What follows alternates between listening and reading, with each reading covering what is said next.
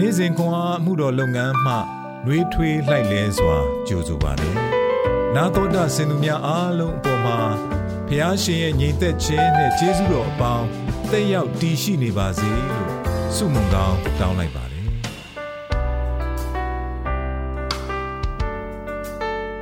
။ဂျွန်လ30ရက်တောက်ချာနေ့ဓမ္မရာဇဝင်ပထမဆုံးအခန်းကြီး7နဲ့အငယ်1 အခန်းငယ်16မှ24အထိ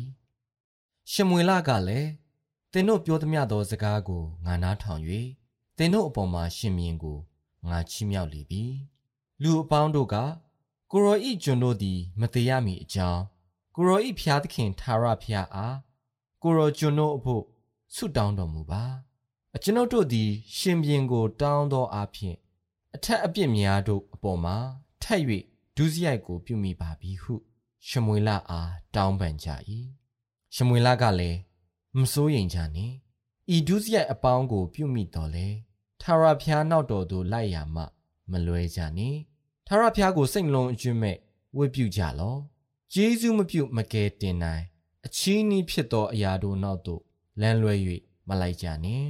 ထို့သောသောအရာသည် အချီးနှီးတတ်ဖြစ်၏ထာဝရဘုရားသည် မဟာနာမတော်ကိုထောက်၍မိမိလူတို့ကို စွန့်တော်မူထာဝရဘုရားသည်သင်တို့ကိုမိမိလူအရာ၌ခန့်ထားခြင်းကအလိုရှိတော်မူပြီငါမူကားသင်တို့အဖို့စွမတောင်းမဲနေသဖြင့်ထာဝရဘုရားကိုပြစ်မှားခြင်းအမှုသည်ငါနှင့်ဝေးပါစေသောကောင်းမွန်ဖြောင့်မတ်သောလမ်းကိုလည်းသင်တို့အားငါပြသဦးမည်တို့ရတွင်ထာဝရဘုရားကိုကြောက်ရွံ့၍တစ္ဆာနှင့်တကွစိတ်နှလုံးအကျွမ်းမဲ့ဝတ်ပြုကြလော့သင်တို့အဖို့ဘယ်မျှလောက် ပြုတော်မူပြီးသည်ကိုအောက်မေ့ကြလော့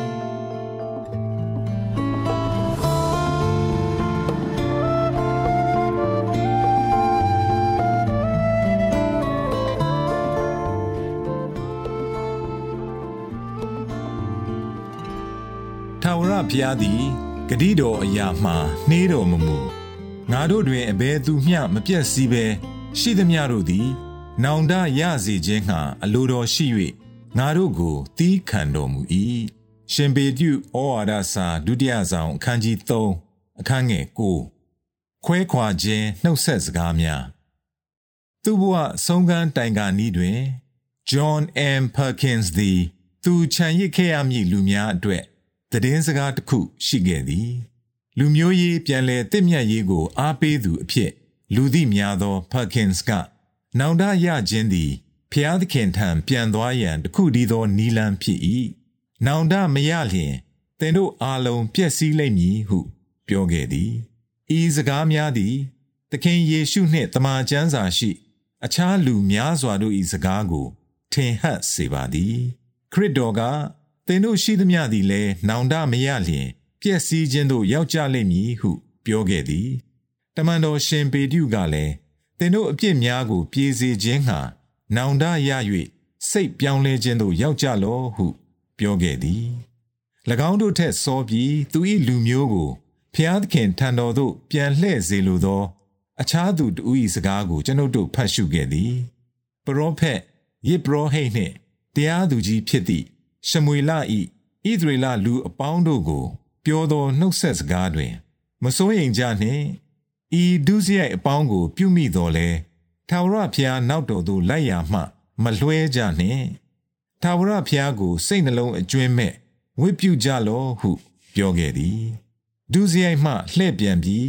ဘုရားသခင်နောက်သို့စိတ်နှလုံးအကျွင်းမဲ့လိုက်ရန်မှ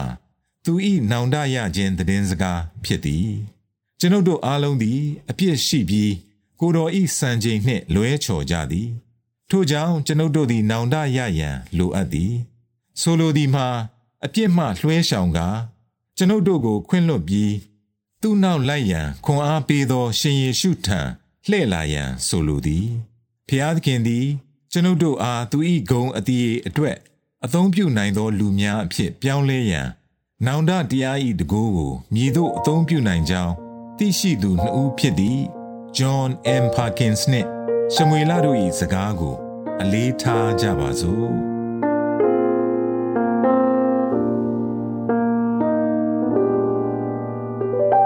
ပြစ်မှလွှဲဆောင်ပြီးခရစ်တော်ထံမှခွင့်လွှတ်မှုတောင်းခံရန်အဘယ်ကြောင့်အရေးကြီးသနည်းစိတ်နှလုံးအကျွင်းမဲ့ဖျားသခင်နောက်တော်သို့လိုက်ခြင်းသည်သင်အတွက်ညီသည့်အတိတ်ပဲဖြစ်သနည်းဆုတောင်းကြစို့ချစ်လာစွာသောဖျားသခင်ကျွန်ုပ်အားစစ်မှန်သောနောင်တသို့ပြညွန်ပို့ဆောင်တော်မူပါမိမိအပြစ်ကိုသိရှိပြီးသခင်ယေရှု၏ကယ်တင်ခြင်းတကူတော်ကိုအပြည့်အဝယုံကြည်ကိုးစားရန် မဆတော်မူပါသခင်ယေရှုနာမတော်မြတ်၌အာမင်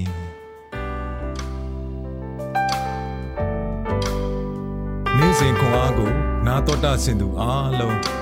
ဘုရားသခင်နှုတ်ပတ်တော်မှဉာဏ်ပညာတော်များကိုရရှိပိုင်ဆိုင်လျက်ပုံမပြည့်စုံကြွယ်ဝသောဘဝအသက်တာများ